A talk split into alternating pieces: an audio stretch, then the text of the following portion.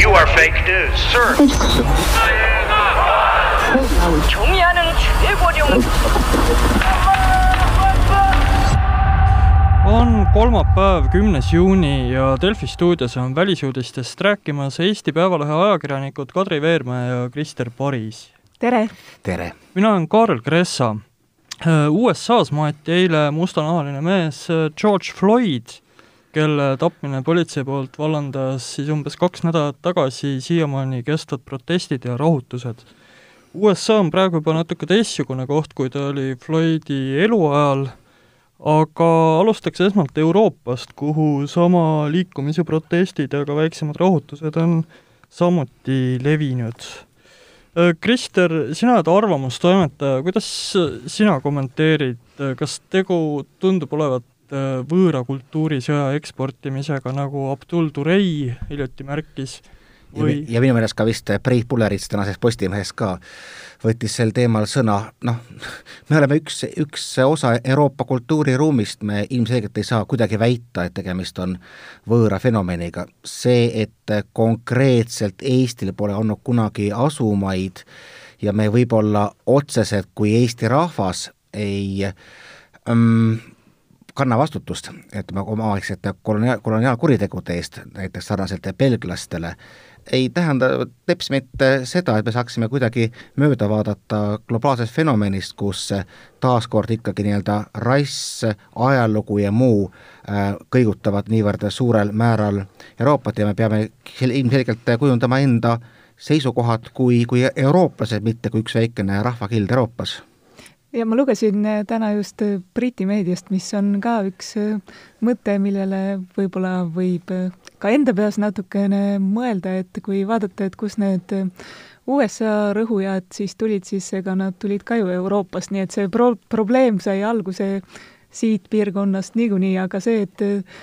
kuidas sellele täpselt läheneda, et see on väga keeruline küsimus kui korraks tulla selle juurde, kuidas Euroopat see on mõjutanud, siis meil on siin viimase nädalaga langenud, või no mitte meil, vabandust, aga Belgias ja Suurbritannias on kukutatud mingeid kujusid ka niiviisi omaalgatusliku omakohtu korras kui ka vali-, linnavalitsuste otsusena, näiteks Belgias Antwerpenis võeti maha keiser Leopold teise kuju, kes oli tõesti üsna jube kurjategija, ma ütleks koloniaalajastul. aga meil nagu vist, ma hommikul üritasin mõelda, et millist kuju meil võiks maha võtta, et tuli meelde ainult Gustav Adolf, keda õnneks keegi mahavõtmist ei nõua, et tema tõesti ju ei kaotanud veel päris orjust, alles Karl üheteistkümnes tegi seda, miks ei teinud seda juba Gustav Adolf? no minu meelest on iseenesest päris, meil on nagu hea positsioon, kui me tahame üldse nii-öelda enda rahvakildu, enda rahvust esile tõsta, meil on just nimelt hea positsioon olla moraalselt puhtad, kes me saamegi äh, langetada praegu ise ja vabalt nii-öelda neid õigeid otsuseid, ehk siis äh, olla ikkagi mm, kõik kogu selle poole peal, mis ütleb, et inimesi ei saa nende päritolu pärast diskrimineerida, me oleme ise selle läbi niivõrd palju kannatanud, aga muidugi, mis puudutab võitluskujudega, siis eh, noh, me saame ise ju näha seda aastal kaks tuhat seitse, kus eh, kahe monumendiga võitlemine viis täiesti mõttetu koha pealt eh, taolise raivopuhangu vallandamiseni, et siis noh, eks ajalugu peab aeg-ajalt ümber vaatama, mina isiklikult olen selle poolt, et iga monument on oma ajastus sümbol, ta võiks kuskil kuidagi ikkagi alles jääda, ka, ka siis, kui see meid tänapäeval väga häirib, aga see on natukene teine teema. aga tegelikult läheb ju see Antwerpeni Leopold teise kuju, et ega ta ju ei hävitata ära, et ta läheb kuskile kunstimuuseumisse nüüd hoiule, nii et võib-olla seal praegu siis ongi tema õige koht, aga no umbes nii, nagu need Leninid Leedu ühes muuseumis. jah, see on midagi sarnast, aga tegelikult on ju kõigis Balti riikides selliseid teemasid, mis lõhestavad rahvast väga edukalt, et näiteks Leedus on olnud mitu viimast aastat on olnud teema sellise kindraltormiga nagu Joonas Noreika, kellega, kes siis neljakümnendatel tegutses väga mitmes vallas ja siis sõltuvalt vaatepunktist, et sa võid pidada teda suureks vabadusvõitlejaks, siis või just vastupidise seisukoha maaletoojaks ja e, Vilniuses võeti e, Teaduste Akadeemia hoonelt võeti tema, tema mälestustahvel maha, sellele järgnesid e, suured äh, meeleavaldused, aga meeleavaldustele tulid enamjaolt rahvuslikult meelestatud inimesed, aga see teema on seal jätkuvalt alles, nii et et kui me ütleme, et need protestid meid üldse ei mõjuta, mis on hulk inimesi Eestis, kes arvab, et see ei ole üldse meie teema, need noored tegelevad jälle mingisuguse imporditud probleemi lahendamisega, siis vastuolusid tekitavaid teemasid on ka siin ja need on, kerkivad üsna lihtsalt esile. ma kujutan ette jah, et kõige rohkem tekivad vastuolusid just nimelt teemad, kus sa pead kuidagi enda esivanemaid või enda minevikku hukka mõistma, et Hain Rebas, Eesti üks esimesi kaitseministreid eh, kirjutas kunagi, kui, kuivõrd innukalt näiteks, kui sa tõid just nimelt Leedu näite, sööstsid leedukad näiteks hävitama juute, Eestis oli ka piisavalt palju eestlasi, kes selle kaasa lõid, samuti oli piisavalt palju eestlasi, kes osalesid küüditamisel, et need on kõik need ajaloo aspektid, kus on piisavalt palju valu kõikidel pooltel, nii-öelda aus selgeks rääkimine on võib-olla üks parimaid variante, mina toon alati eeskujuks Lõuna-Aafrika Vabariigi nii-öelda need tõekomisjonid, kus kedagi otseselt süüdi ei mõistetud, aga anti võimalus nagu hingelt ära rääkida. tundub, et see on seal üsna hästi toiminud. Siin on veel hea tuua näide sellest, kui kaugele võib teoreetiliselt minna see kujudega võitlus ja kui keerulisi valikuid see tekitab, kui seda teed minna, et Suurbritannias rahutuste käigus soditi üle näiteks Winston Churchilli monument, kuna ta äh, kirjaga rassist, mille kaitse, noh, argumente leiab tõesti Winston Churchilli minevikust, aga paljud ütlesid ka, et et kas te mäletate, kelle vastu Winston Churchill võitles no täpselt, ja sama asi näiteks juhtus Prahas, kuna ma loen ikka Tšehhi meediat, siis siis seal samamoodi on püstitatud väga andekas Churchilli kuju, see mõnus küürus ja tore, aga see samuti soditi täis ja siis pidi seda puhastatama pärast. Kuid see pole veel kõik, et ka Gandhi kuju soditi üle täpselt samasuguste kirjadega ja tõepoolest ka Gandhi eluloos, kui hakata vaatama, siis Pakistani taustaga inimestel on seal küll, millele apelleerida. aga ühesõnaga, et kas me noh, et kuskilt tekibki see küsimus, et tõesti, ärme hakka Gustav Adolfi kuju vähemalt maha võtma. ütlen Gustav Adolfi gümnaasiumi õppurina no aga ei, ilmselt jah, et ta on ikkagi igat inimest ja tema tegusid peab mingil määral ikkagi hindama tema, tema enda ajas. ja võib anda ajalõpikutes hinnangu, aga on olnud põhjus, mispärast mingi rahvas on talle kunagi ikkagi monumendi püstitanud. ma arvan, et näiteks Staliniga on meil praegu väga väike vahemaa, aga ma tegelikult, ma mõistan natukene neid inimesi, kes võib-olla kolmesaja aasta pärast ütlevad, et aga tegelikult oli ta peaaegu nagu Peeter Esimene Venemaa jaoks. aga tegelikult monumentidega on ju ka see, et et fakt, et see kuskile on püsti pandud, ei tähenda, et see peaks igavesti seal olema, et kui selle aeg saabki läbi, siis neid võib ka vabalt maha võtta, et see on täiesti normaalne. just, et keisar, keisar, keisar, keisar Tiberiuse monumente me eriti ei näe kuskil enam. Peeter Esimene võeti pärast vabariigi asutamist maha, kuna tema ju tõi meile tagasi päris orjuse, jällegi väga nagu noh, selles mõttes küll paralleel, et Peetri kuju mahavõtmine oli jumala õige tegu vanadelt vabariigi ametnikelt. aga kui praktiliste asjade juurde tulla, siis näiteks Prantsusmaa politseil on nüüd ametlikult keelatud niimoodi põlvega kinnipeetuid lämmatada, et see on üks asi, mis on nüüd muutunud otseselt nende protestide importimise tulemusel. USA-s on isegi natuke rohkem muutunud, et arutatakse tõsiselt politseireformi üle ja seal Minneapolise linnas nüüd saadetakse senised politseijõud laiali ja asendatakse mingisuguste muu korravalvejõuga nähtavasti kunagi aga Kadri, kas sul on mingeid remarke selle kohas, kuidas nüüd USA poliitikamaastik on kogu selle kahe nädalaga muutunud? väga palju on äh, erinevaid avaldusi lõ-, lõputult erinevad inimesed äh, teinud, aga ma arvan, et äh, kokkuvõttes minu jaoks sellised äh, kõige suuremad jõujooned on jätkuvalt paigas, et pole tektoonilisi muutusi toimunud, et mina näiteks ei näe, et äh, nüüd need nädalad on Donald Trumpi sügisesi šansse väga märgatavalt äh, vähendanud ja see on ju praegu USA poliitika peamine teema ja ka Trumpi vastaskandidaat Joe Biden ei ole väga hästi suutnud ära kasutada praegust olukorda või pöörata seda enda poole, sellepärast et tema seisukohad sobivad küll praegu kokku üldise meeleoluga, aga kas temaga koos tuleks see muutus, mida oleks vaja, see on keeruline öelda. no just, et kas ta on juht üldse, et ta on nagu pigem nagu kaasatiksuja sellisele üldisele meelsusele, et noh, Bideni ju valimisšanss on ka ainult see, et anyone but Trump siiski, et mm.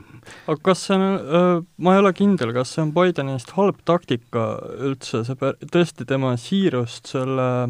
ütleme, politsei kritiseerimisel on kahtluse alla seadnud alles aasta tagasi selline poliitik nagu Donald Trump, sest Biden oli ju tuntud selle üheksakümne neljanda aasta vaid, üsna palju vaidlust tekitanud Äh, kriminaalseadustiku muudatusega, mille puhul ta kuulsalt ütles, et lock the SOB-s up, pange lontrused luku taha ja seal on ka sees äh, termin, et superkiskja, inimesi nimetatakse kiskjateks, kui nad äh, teatud moodi käituvad, et Donald Trump ise on Bidenit selle eest kritiseerinud ja Biden minu meelest nagu ongi olukorras, kus äh, noored ja näiteks mustanahalised progressiivid on nii vihalaetud, et nad mingil juhul ei jäta valimata Bideni poolt sageli. Ja samal ajal äh, ütleme, selline valge eeslinnade elanikkond, kes tingimata, keda see teema väga ei eruta ja kes mõne muu poliitiku puhul tunneks muret, et ega sellega nüüd ei minda liiga kaugele ja see tunneb, et no ega olgem ausad, Joe ei ole selles päris siiras ja see on okei okay. no see on natuke sama, samasugune teema, nagu oli meil alguses nende monumentidega, et iga tegu tuleb hinnata tema ajas, et Joe Biden, kes on olnud nii pikka aega senaator, tal on lihtsalt kogunenud aastad kümnete jooksul ütlusi, mida saab välja kookida, see on tema peamine, üks peamisi muresid ongi see, et tal on niivõrd palju hulk pisikesi luukerekesi kapis, mida alata, alati annab suureks puhuda. aga jah, kui sa oled nii pikalt olnud kuskil poliitikas, siis sa tihtipeale oled pidanud tegema kompromisse oma südametunnistusega, hiljem midagi ümber mõtlema, kuid see on tema suurem noh, liability, nagu inglise keeles öeldakse. aga huvitav remark on muidugi see, kuidas need praegused sündmused on täiesti kaotanud ära USA uudistes sellise asja, et oli kunagi mingisugune pandeemia ja tegelikult mitmes osariigis on juhtumid jätkuvalt kasvamas. et äh, ühest küljest see on jälle Trumpile nagu hea uudis, sest senise narratiivi järgi noh, heideti valitsusele tõsiselt ette föderaalvalitsusele epideemia alguses samme, mida ei võetud, kaitsevarustus, testimine, oleks pidanud rahvast varem teavitama ja nii edasi, nii edasi, aga praegu, kui näiteks sügisel tuleb mingisugune uus nakatumislaine, siis ei saa enam ainult väita, et see on sellepärast, et osariigid tehti lahti ja Trump kutsus üles kõiki tööle minema ja vabariiklased kubernerid, vaid vahepeal on toimunud metsikud massiüritused, kus ilmselt vältimatult toimus ka kohutav nakatumine. no aga nii, noh nii ongi, et, et need Trump on nagu kõik populistid meister välja mängima seda, et kes näeb mida. üks näeb äh, rassilist vägivalda, tei-, teine näeb vägivalda, mida põhjustavad siis protestijad ja mitte väga suur hulk inimesi ei suuda äh, neid kuidagi mingisugusesse ühtsesse süsteemi panna, ehk siis kui ta suudab enda valijatele näidata enda narratiivi, siis ükskõik, kuidas jumal laseb nii-öelda tõde paista, ei oma väga, väga suurt tähtsust mm. Ja see on ka muidugi mitte kõige parem võimalus testida, kuidas need massilised kogunemised siis viiruse levikule mõjuvad, et praegu me seda, seda veel ju ei tea, et natukene on aega, mil saab teha järeldusi, et võib-olla võib-olla me kõik siis eksime ja nad üldse ei mõjutagi nii palju, aga USA-s on ju jätkuvalt pandeemia meditsiinilise probleemina on ta korralikult olemas, sellepärast et minu meelest sureb umbes tuhat inimest päevas ikkagi koroonaviirused. see, see ei ole enam teema jah. sul on üle saja tuhande mingi viie, saja viie, saja kümne hukkers. nojah, need on ka hoomamatud äh, abstraktsed numbrid, nii et võib-olla on asi selles, aga kui äh, tuleb mingisugune eriti suur uus nakatumine, siis ma arvan, et see pressib end jälle teemana üles ka, aga see peab olema uudisväärtuslik siis järelikult. ja praegusel hetkel ta seda ei ole, aga samas mulle tundub, et need protestilained hakkavad ka vaikselt end koomale tõmbama, et nad omakorda annavad teed uutele uudistele, mitte siis selles mõttes, vaid tundub jah, et aga praegu on see konkreetne laine on nagu jäänud noh, nii-öelda elanud oma võib-olla elu ära, aga no selgelt, et majanduslik löök alles tuleb ja seal tulevad hoopis muud nagu teemad läbi, mille see väljendub, et kui osavalt suudab Trump seda kõike enda vastaste kaela sokutada, see siis sõltub tema nii-öelda geeniusest ja tema võimest inimesi inspireerida. aga võib-olla tuleb enne USA-s kätte novembrikuu, kui suured majanduslangused, nii et see on ju ka võimalik, et see praegu käib ju korralik rahatrükk, et majandust süstitakse igasuguste toetuste toetuspakettidega, et et arvatakse, et enne sügist midagi väga drastilist võib-olla ei toimugi ja kui ei toimu, siis ja jõuavad enne valimised kätte, siis see ei mõjutagi ju neid mitte kuidagi. uudiste tsükkel liigub ka sellel tänavusel aastal nii meeletu kiirusega, et kui jaanuaris oleks võinud arvata, et äkki me räägime Iraani konfliktist sügisiste valimiste puhul, siis arvasime, et oli pandeemia, nüüd on rahutused, mis on ka lõppemas, et et äh, noh, tõesti ei julgeks prognoosida nagu. mulle, mulle meeldis väga üks sotsiaalmeedias levinud äh, kalender, kus äh, umbes septembris tuleb tulnukate invasioon, siis on natukene veel pandeemiat ja lõpuks lõpetab kõik asteroid mm. -hmm jah, ma, ma kusjuures mõtisklesin märtsis isoleerituses olles umbes samalaadseid mõtteid aga ma ei ole seda tähele pannud, et äh, kuivõrd esil on praegu USA valimiskampaanias, just praegu ma mõtlen Hiina teema, sellepärast et sellest me ju lugesime mitu nädalat tagasi, kuidas nüüd vabariiklased on leidnud endale hea suure vaenlase Hiina, kellega nüüd siis kuni vale, valimisteni välja sõita, aga praegusel hetkel mulle tundub, et see pilt on veidi killustatum ja ka Hiina ei domineeri nii märgatavalt kui mõne nädala eest poliitajakirjandus väidab küll, et Trump valmistub Bidenit igast suunast ründama ja üks suund on just äh, Hiina suhtes leebe olemine. aga siit äh, tõmbaks kohe selle teema üles, et äh, Trumpil õnnestub seda Hiina vastast ta, tal õnnestub nagu Hiina propagandale kuidagi kaasa aidata seal, kus Hiina tundus haavatavas seisus, jällegi meil oli pandeemia, mis sai alguse Hiinast ja selgelt Hiina ei olnud päris avameelne selle kõigega, aga nüüd on ka see teema kuidagi rahvusvaheliselt areenilt kadumas, USA tõmbab Maailma Terviseorganisatsioonist ennast välja, Hiina pumpab sinna raha juurde ja kokkuvõttes kukub niimoodi välja, et jällegi Trump on paha ja Hiina on konstruktiivne ja kuidagi Trumpi enda saavutatud. Hiina, Hiina puhul tuleb äh, seda ka öelda, et äh, pandeemia vähemalt paistis, et esialgu on suutnud ära lahendada Hongkongi väga ebameeldiva küsimuse Hiina jaoks äh, pigem meeldival moel ja ütleme, ülejäänud liberaalsele maailmale